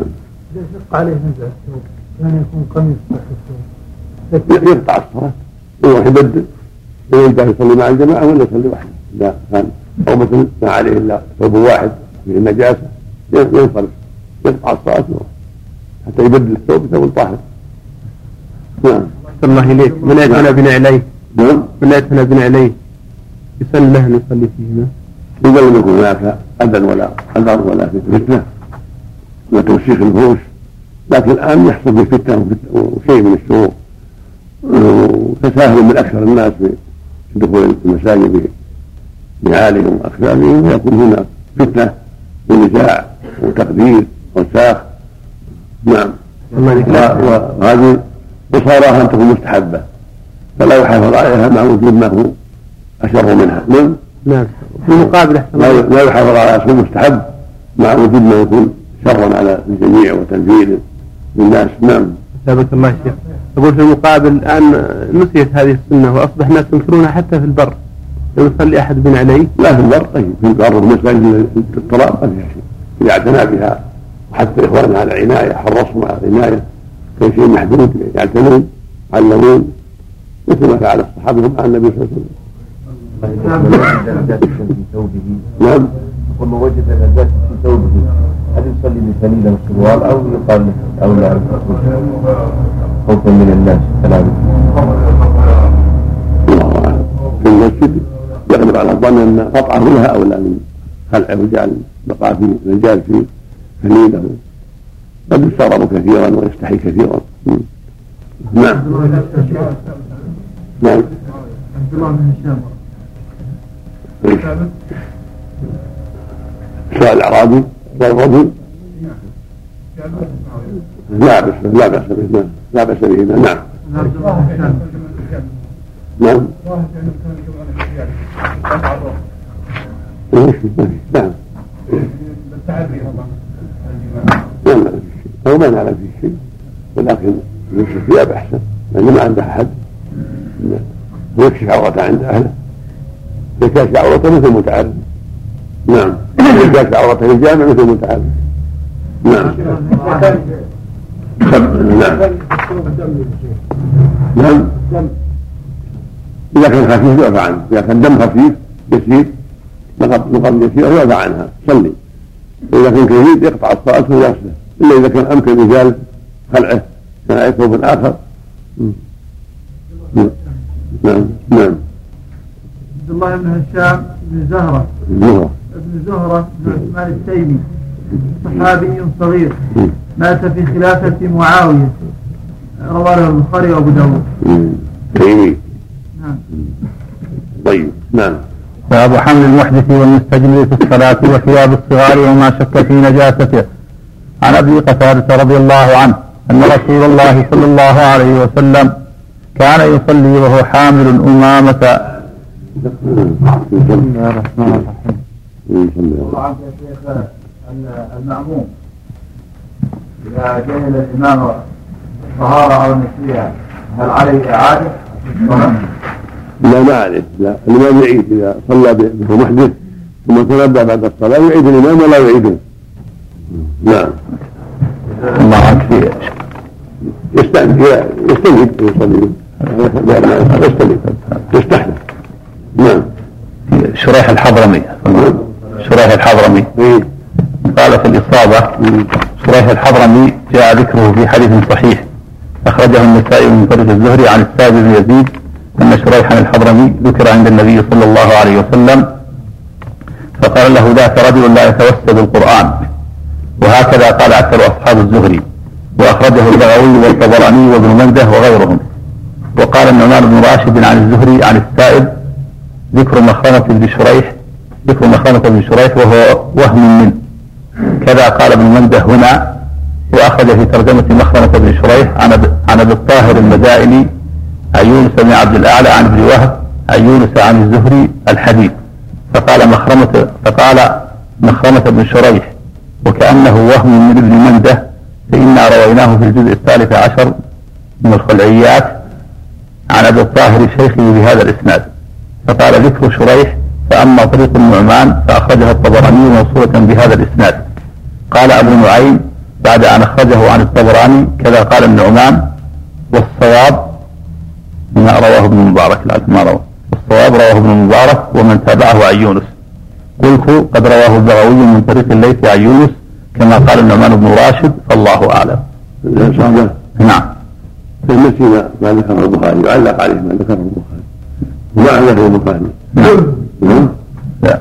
يعلق عليه ما ذكره البخاري. وقال خرجه البخاري أيضا حديث السائب بن يزيد. لم يذكر له مع حفظه رحمه الله وعنايته نصف مثل ما في البخاري. نعم. نعم. الله المستعان. أخرجه البخاري. بضعة خمس عندك. هذا في النسائي لا في النسائي. ولا البخاري؟ لا في النسائي. ويقول شاهد عندك في النسائي؟ نعم لا هو آخر آخر حديث. هو هو النسائي؟ نعم لا يتوسد القرآن. آخر حديث. طيب. باب ركعتي الفجر. تقول مرة في البخاري؟ النسائي. في قصة ام سلمة عفى الله عنك في قصة الماشطة. ذكرها مسلم في الرواية في لا صفة الحوض. في باب إثبات حوض نبينا صلى الله عليه وسلم. عن ام سلمة نعم قل حدثني يونس مع عبد الأعلى الصدفي. أخبرنا عبد الله بن وهب أخبرني عروة وهو ابن الحارث أن بكيرا حدثه عن القاسم بن عباس الهاشمي عن عبد الله بن رافع مولى أم سلمة عن أم سلمة زوج النبي صلى الله عليه وسلم أنها قالت كنت أسمع الناس يذكرون الحوض. ولم أسمع ذلك من رسول الله صلى الله عليه وسلم فلما كان يوم من ذلك والجارية تمشط تمشطني فسمعت رسول الله صلى الله عليه وسلم يقول أيها الناس فقلت للجارية استأخري عني. قالت إنما دعا الرجال ولم يدع النساء فقلت إني من الناس. فقال رسول الله صلى الله عليه وسلم إني لكم فرط على الحوض فإياي لا لا يأتيني أحدكم فيذب عني كما يذب البعير الضال. فأقول فيما هذا فيقال إنك لا تدري ما أحدث بعدك. فأقول سحقا. وحدثني. سحقا. في الأخير نعم. نعم. نعم. نعم. الجزء الخامس عشر كتاب الفضائل صفحة 56 57 الخامس عشر. نعم. 56 نعم 57 50 57 طيب ما انه يعلق على فتى الرباني منه لأن قام ما وقفت أن خرجها غير أحمد منه. نعم. الله نعم. نعم. إذا كان إذا كان لمصلحة من فريضة ولا نافلة لكن لمصلحة صلي وحده. فريضة ثم رأت جماعة دخلوا. فأحب أن يصلي معهم فريضته فجعلها نافلة؟ لا بأس. أما أن يجعل نافلة فريضة لا. أو ينتقل من فريضة إلى فريضة لا. بس في هذه الحالة حالة إذا كان في فريضة ورأى جعلها نافلة لمصلحة نعم. نافلة معينة نعم. نافلة معينة نعم. نافلة معينة من فريضة إلى نافلة معينة كراتب؟ لا ما يصلح. لا. في حالة واحدة إذا حول فريضة إلى نافلة يصلي جماعة يصليها في جماعة مثلا أو لقصد آخر نعم شرعي شرعي. نعم. ما يدل على هذا؟ لهذا القصد يعني. ما يدل على هذا؟ لهذا القصد يعني. شيء وقع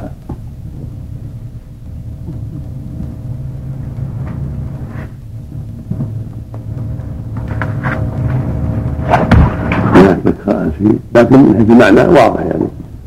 يعني مصلحة مثل إنسان دخل المسجد يصلي فاتح الصلاة فشرع فيها فدخل جماعة فقلبها نافلة فسلم الركعتين وراح صلى معهم. والمصلحة واضحة فيه. لكن ما تذكر الآن يعني أثر في هذا حديث أو شيء. ما تذكر شيء. أصل هذه الصورة. الصورة هذه. صلى نص عليها الفقهاء. نعم. الشيخ الإمام يسلمكم من الوتر فدور ركعتين كالعادة يعني. ونسي التشهد دام من الثالث. ومددها والعادة انه يصلي ركعتين يسلم يسبح حوله وقضي مسلم وقوه هذا جائز أيضا هو يجوز أن يصلي ثلاثين يصلي ثلاثين يعني ويتابعون لعل ما نوى لعل ما نوى الجلوس أو لعل ما نوى اثنتين هو نواها. اثنتين يشبهكم عنه يشبهكم عنه على ابي يعرف الحكم يعني. لا مو- لا مو اذا نويتها ركعتين ثم قمت تشهد إذا نواها لا يقول إذا نواها لا يقول يعود. يعود يتشهد يسجد السهو ويسلم أما أما المعمومين ما يدعون يتابعون هم نعم. نعم. فيها واحد صلى مع الله صلى مع الله يذكر انه من أهل السنة ولا عرف هذا إلا بعد ما أنتهى من الصلاة. يعيد يعيد يعيد. يعيد؟ نعم. لأنه يعبدون أهل البيت الرافع يعبدون عليه وأهل البيت نعم. لأنهم زادوا بعد بعد الركوع الثاني بعد الركوع من الركعه الاخيره في صلاة الصبح. بعد ما رفع قرأ سورتين بعد ما رفع. بعد الركوع قرأ سورتين هذه بدعة. نعم. ما عندهم من الكفر أشد أشد. نعم. نعم. الله إليك إذا جاء في الجمع وصلى مع الناس العشاء يظن المغرب. وبناء المغرب. يجزي شاء الله لأنه زاد الركعة جهلا من المسكين مثل لو قام ناسيا أو جاهلا يجزئه ثم يأتي بالعشاء بعد ذلك. ما يعيد. لا ما يعيد. ولا إذا استمر- على نية المغرب ولا يكون أن تكون عشاء ويسقط في حقه لا لا لا يعيد ولكن إذا تنبه يجلس في الثالثة يبدأ يقرأ التحيات ثم يسلم معهم ثم يصلي العشاء بعد ذلك.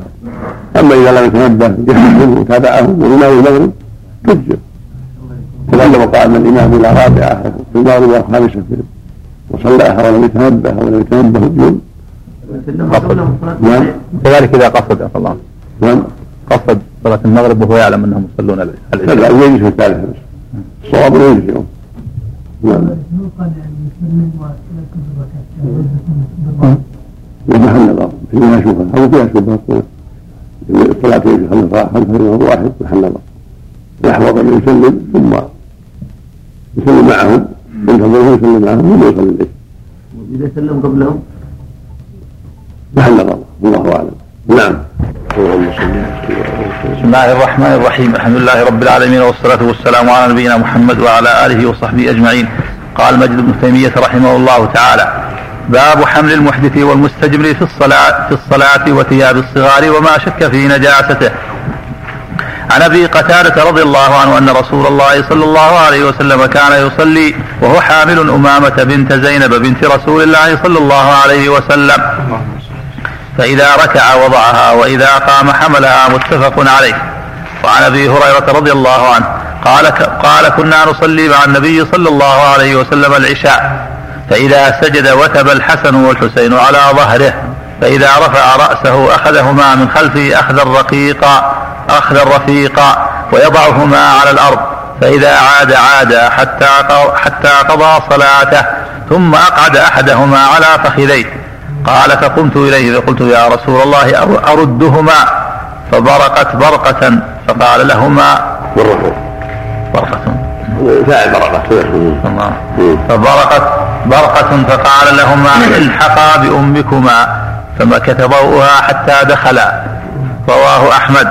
وعن عائشة رضي الله عنها قالت نعم. عن أبي هريرة رضي الله عنه. قال كنا نصلي مع النبي صلى الله عليه وسلم العشاء. فإذا سجد وثب الحسن والحسين على ظهره. فإذا رفع رأسه أخذهما من خلفه اخذا رفيقا ويضعهما على الأرض فإذا عاد عاد حتى قضى صلاته ثم أقعد أحدهما على فخذيه. قال فقمت إليه فقلت يا رسول الله أردهما؟ فبرقت برقة فقلت لهما الحقا بأمكما. فبرقت برقة فقال لهما الحقا بأمكما. فمكث ضوءها حتى دخل رواه أحمد. وعن عائشة رضي الله عنها قالت كان النبي صلى الله عليه وسلم يصلي من الليل وأنا إلى جانبه وأنا حائض وعلي مرط وعليه بعضه. رواه مسلم وأبو داود وابن ماجه. وعن عائشة رضي الله عنها قالت كان النبي صلى الله عليه وسلم لا يصلي في شعورنا. رواه أحمد وأبو داود والترمذي وصححه ولفظه لا يصلي في لحف نسائه. باب من صلى على مركوب نجس أو قد, أو قد أصابته نجاسة. عن ابن عمر رضي الله عنهما قال رأيت النبي صلى الله عليه وسلم يصلي على حمار وهو متوجه إلى خيبر. رواه أحمد ومسلم والنسائي وأبو داود. وعن أنس رضي الله عنه أنه رأى النبي صلى الله عليه وسلم يصلي على حمار وهو راكب إلى خيبر والقبلة خلفه. رواه النسائي. باب الصلاة على الفراء والبسط وغيرها من الفراش. بسم الله الرحمن الرحيم. صلى وسلم على رسول الله وعلى آله وأصحابه. اما بعد هذه الأحاديث تدل على جواز حمل المحدث وحمل المستجمر وحمل من لا تعرف به نجاسة وحمل الأمور على الظاهر والطهارة الأصلية وعدم التكلف. وفيه الدلالة أيضا على جواز العبث الحركة التي ليست متصلة أو الحركه لها أسباب وأنها لا تخل بالصلاة ولا تبطلها. ومن ذلك ما ذكر المؤلف عن أبي عن أبي قتادة في قصه صلاه النبي صلى الله عليه وسلم بأمامة بنت زينب وهو مخرج في الصحيحين. وذلك يبين للامه تسامح الإسلام وأنه يجيز لأهله مثل هذا. بما فيه من الرفق بالصغير. والرحمه للصغير والدلالة على جواز مثل هذا في الصلاة أن يحمل الصغير وهو يصلي. ولهذا كان يصلي وهو حامل امامه فإذا سير وضعها وإذا قام حملها. وهي بنت زينب بنت أبي العاص بن الربيع. هذا يدل على جواز مثل هذا الحمل. والأصل الطهارة ولهذا حملها. وهي ليست من أهل الطهارة إنها صغيرة. كذلك قصة الحسن والحسين في حديث أبي هريرة ورواه أحمد بإسناد فيه نظر لأن في إسناده شخص يقال كامل ابو كامل لم أجد له ترجمة. ولكن له شواهد في ارتحال الحسن والحسين للنبي صلى الله عليه وسلم في الصلاة ثابت جنسه في الصحيحين. وهو يدل على جواز التسامح في هذه الأمور وأن المصلي إذا ارتحله ابنه أو ابن بنته أو صبي صغير وهو ساجد أو جلس على رجله وهو جالس أن هذا لا يؤثر بالصلاة ولا يضر الصلاة والأصل الطهارة والسلامة والعفو عن مثل هذا. في بعض الروايات في الصحيح أنه صلى ذات يوم فأطال السجود. فلما سلم واستنكر وسألوه عن ذلك فقال ان ابني ارتحلني وأنا ساجد فكرهت ان الحجة؟ فاطال السجود لأجل عدم إزعاجه. وهذا من حسن خلقه ورحمته وتواضعه عليه الصلاة والسلام. والدلالة على ان مثل هذا لا يضر في الصلاة ولا يؤثر فيها لو أطال السجود أحد السجدتين إحدى السجدتين لعارض أو أطال له الركوع في بعض لعارض أو أطال له القيام لعارض فلا حرج في ذلك. وفي من الفوائد أن الحركة في الأخذ والإعطاء الرفع والحط إذا دعا لها حاجة كما فعل مع أمامة ومع الحسن والحسين وكما فعل في صلاة الكسوف ثم تقدم وتأخر لما اعطي الجنه والنار. هذه كلها وأشباهها مما يعفى عنه في الصلاة. لأمرين. الأمر الأول أن فيها مصالح في الدلالة على التعليم والتوجيه والأمر الثاني أنها قليله متفرقة غير متصلة ولا متتابعة. بخلاف العبث الكثير الذي ليس له أسباب توجبه وهو متواصل هذا ذكر أهل العلم أنه يبطل الصلاة وحكاه بعضهم اجماعا إذا كثر عرفا وتواصل. هو عبث ليس لأسباب أوجبت ذلك. بخلاف ما كان لأسباب مثل خطواته صلى الله عليه وسلم متقدما لما ولد الجنة خطواته متاخرا لما ولدت النار وفتح الباب لعائشة وحمل أمامة من زينب ووضعها وما أشبه ذلك الأشياء التي لها أسباب. ثم هي بعضها غير غير متصل بل متفرق كقصة أمامة وبعضها متصل لكن لأسباب اقتضت ذلك كتقدمه وتاخره في صلاة الكسوف عليه الصلاة والسلام. وفي الحديث الثالث والرابع الدلالة على أنه لا حرج في أن يصلي بعض الثوب على أهله وبعضه عليه مثل ثوب طويل بعضه على أهله لحاف وبعضه قد يتحاف به هو لا بأس بذلك. وإن كان قد تكون حائضا فإن لا يضر وجود طرفه عليها لا يضر فلا يسمى حاملا للنجاسه وفي حديث إنه من كان يصلي في شعورنا أو لحوفنا دلاله على احتياط وانه إذا كان الثوب قد تكون فيه نجاسة أو يخشى تركه من باب الاحتياط حسن. والشعور قالوا فيها أنها الأسر جمع شعار. كالكتب جمع الكتاب. ولهذا قصر صفة الأنصار الأنصار شعار والناس دثار فالشعار ما يلي الجسد. وكانوا يتزرون كنا يتزمن بالأزر. وكان السراويل غير المشتهرة بينهن كنا يستعمل الأزر ولهذا في حديث عائشة كان يمر فأتزر فيباشرني وأنا حائض. فهذا من باب الحيطة لأن قد يكون في الإزار شيء من دم من الحيض.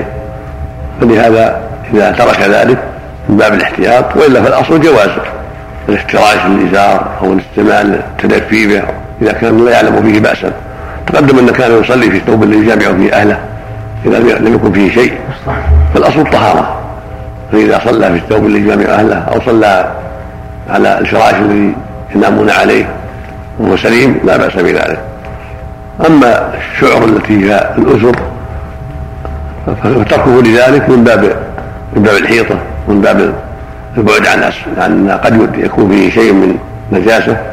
وإن كان الأصل السلامة فلا بأس أن يصلي فيها. ولكن تركها إذا كان فيها شبهة يكون باب الأولى والاحتياط فقط.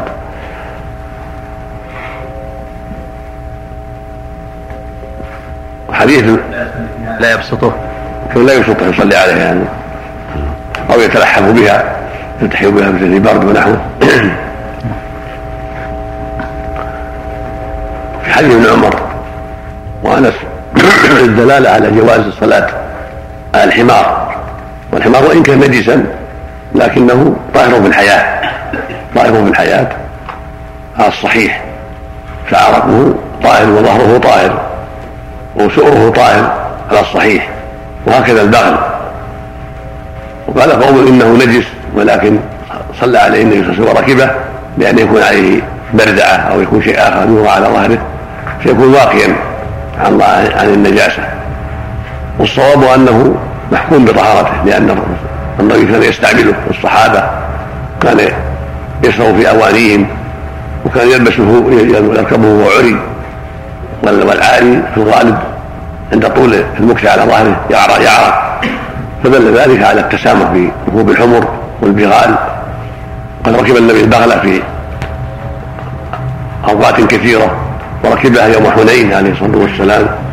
فالحاصل أن الصواب أن الحمر والبغال طاهره في الحياة كالهل طاهر في الحياة لأنهم مطوفين علينا ولا بأس يركب عريا ليس على ظهره شيء وإذا صلى عليه وليس على ظهره شيء فلا بأس على الصحيح. وأما إن كان على ظهره بردعة أو لباس آخر فلا إشكال. على كلا القولين جميعا. والنجاسة إذا صلى عليها وبينه وبينها ساتر كالبساط كأرض النجسة بسط عليها بساط وصلى لا يضره ذلك. هكذا سطح الحمام صلى عليه. على الصحيح لا يضره ذلك لأن النجاسة مفقودة. إنما المنع يجي النجاسة فإذا كان بينه وبين النجاسة فراش مثل أرض فيها بول فرش عليها سجادة وصلى أو بساط وصلى أو أرض فيها نجاسة لكن فإذا عليها تراب. طاهر ستر النجاسة كل هذا لا بأس به. والحمر تستعمل ذاك الوقت كثيرا وهي من الطوافين على الناس. فالصواب فيها أنها طاهرة من الحياة كالهرم من الطوافين عليكم. فعرقها طاهر وسؤرها طاهر ونفرتها ونحو ذلك. بخلاف البول والغائط فنجس مثل بول الآدمي نجس. غائط نجس وانتجس بوله نجس وروثه نجس. هكذا الحمار والبغل روثه نجس وبوله نجس لكن بدنه ظاهر سؤره ظاهر طاهر نفرته طاهرة كابن آدم عرقه طاهر وريقه طاهر ونفرته طاهرة خاطه طاهر وعرقه طاهر. فلا فرق في هذا ولا يستنكر أن يكون الشيء نجسا في نفسه ولكنه طاهر بالحياة وطاهر الظاهر في الحياة تخفيفا من الله ورحمة منه لعباده سبحانه وتعالى. ولا يلزم من نجاسة البول ونجاسة الروث لا يلزم من ذلك نجاسة السور والعرق ونحو ذلك. والله أعلم. أما قول من قال ان الشاذ فليس بشيء. فإن الرسول صلى الله عليه وسلم ركب الحمار وركب المطية وركب البغل وركب الفرس فلا مشاحة في ذلك ولا حرج في ذلك والحمد لله. نعم. سؤر البغل والحمار. لا طاهر. على الصحيح. مثل بل من باب أولى. الهرة قد تكون أكلها النجاسة أكثر. أما الحمار والبغل يعلفان على من طاهر. إذا كانت الهرة وهي قد تصيد الفأر وغير الفأر. ومع هذا النبي صلى الله عليه وسلم آه، أذن في استعمال فضلتها. فالبغل والحمار من باب أولى. نعم. لا حمل ابنه أحسن إليه وعليه نجاسة لكنه لا ليست بينه وبينها حائل نعم. أقول لو حمل ابنه وعليه نجاسة عالم بها لكنه بينه وبينها حائل لا قرب الله أعلم أنه لا يحمل عالم النجاسة لا يحمله. عملا بالأصل أن المصلي لا يحمل النجاسة. لكن إذا لم يدري أو علم أنه طاهر الحمد لله. أو ما يدري الحمد لله. نعم. يحمل حمله إمامه على أنها طاهرة أو لم يدري عن حاله عليه الصلاة والسلام. نعم. الخطوات لليمين أو الشمال في الصلاة إذا هي قيمة الصلاة وهو كما يتنفل؟ ما يضر. نعم. أو أو أو مشى يسد يسد الخلل عن يساره نعم. إذا كان في يمين الصف أو عن يمينه كان في يسار الصف يمشي حتى يسد الخلل ما فيش لكن هذا مشي للمصلحة. ولو كثر ولو كثر فعند صفين ثلاثة أحيانا بجمعة نعم. ما ما عند صفين ثلاثة. ما يضر ما يضر لأن هذا لمصلحة الصلاة. نعم يسد الخلل مجاري كذلك من هذا الباب. الصواب إنه لا نعم. صحيح. لأن الطهارة موجودة والنجاسة مفقودة. نعم. الأثر اللي في سطح الحمامات. نعم. الأثر اللي فيه اجتناب سطح الحمامات. العلة العلة مو كونها حمام العلة كونها محل النجاسة نعم، محل النجس نعم. المجاري أو كذا. المجاري كذلك نعم. والمقبرة أحسن الله إليك. لا المقبرة إلا وسيلة الشرك. فلا يصلى فيها ولا في سطحها. نعم. وأقول لو رن التليفون ويصلي قريب منه وأخذه قال سبحان الله. ما يضر ما في شيء. إن شاء الله نعم. نعم. نعم. نعم. علق عليه. نعم. كامل من على. إيه. علق عليه الفرق إيه. توثق ابن معين وقال المعادي في بعض رواياته أشياء انكرتها وأرجو أنه لا بأس به وقال النسائي ليس بالقول. وقال في موضع آخر ليس به بأس. الحديث أخرجه ابن عساكر. السياق عند أحمد فيه نظر السياق عند أحمد فيه شيء من النظر. نعم. عليك مم. إذا كان فراش كبيرا أصابت النجاسة طرف منه. يصلي على الطاهر. طرف الطاهر ولا ينظر ولو كان متصل الفراش ولا ولا متصل. يصلي على الطرف الطاهر ولا يصلي على الطرف النجس نعم. مثل الأرض مثل الأرض سواء نعم. نعم. الصلاة إلى الحمام يا شيخ. نعم. الصلاة إلى الحمام. ما يضر. ما يضر. نعم لا. لأن هذا وقع في الحمام. صلاة المقبرة والحمام. في نفسها نعم. نعم. الحمد لله رب العالمين وصلى الله وسلم على نبينا محمد وعلى آله وصحبه أجمعين. قال شيخ الإسلام ابن تيمية رحمه الله تعالى إذا قال في حاجة لا تصل إلى القبور نعم فإن قد يخشى منها القصر السيء نعم. إلا إذا فصل بينه وبينها. نعم. نعم وجماع الأمر في ذلك أن الكتاب والسنة إيش؟ إيش؟ اي نعم. ثبت عنه في الصحيح أيضا أنه صلى على حماره مقدمه من العراق عليه رضي الله عنه. نعم. مرفوع هذا الله هذا مرفوع لكن موقوف على الإسلام؟ نعم. نعم. اللهم الرحمن الرحيم. الحمد لله رب العالمين والصلاة والسلام على نبينا محمد وعلى آله وصحبه أجمعين. عنه نعم. عن أبي هريرة. نعم. نعم. نعم. قال مجد بن تيمية رحمه الله تعالى باب الصلاة على الفراء والبسط وغيرهما من الفراش. عن ابن عباس رضي الله عنهما أن النبي صلى الله عليه وسلم صلى على بساط رواه أحمد وابن ماجه وعن المغيرة بن شعبة رضي الله عنه. قال كان رسول الله صلى الله عليه وسلم يصلي على الحصير والفروة المدبوغة. رواه أحمد وأبو داود. وعن أبي سعيد رضي الله عنه أنه دخل على رسول الله صلى الله عليه وسلم. قال قال فرأيته يصلي على حصير يسجد عليه. رواه مسلم. وعن ميمونة رضي الله عنها قالت كان رسول الله صلى الله عليه وسلم يصلي على الحمراء رواه الجماعة إلا الترمذي لكن لكنه له من رواية ابن عباس رضي الله عنهما. وعن أبي الدرداء رضي الله عنه قال ما أبالي لو صليت على خمس طنافس. رواه البخاري في تاريخه. هذه الأحاديث الخمسة تدل على أنه لا مانع من الصلاه على حوائل من الأرض دون الأرض. لا يصلي الفرض والنفل على الأرض من دون حائل كالبساط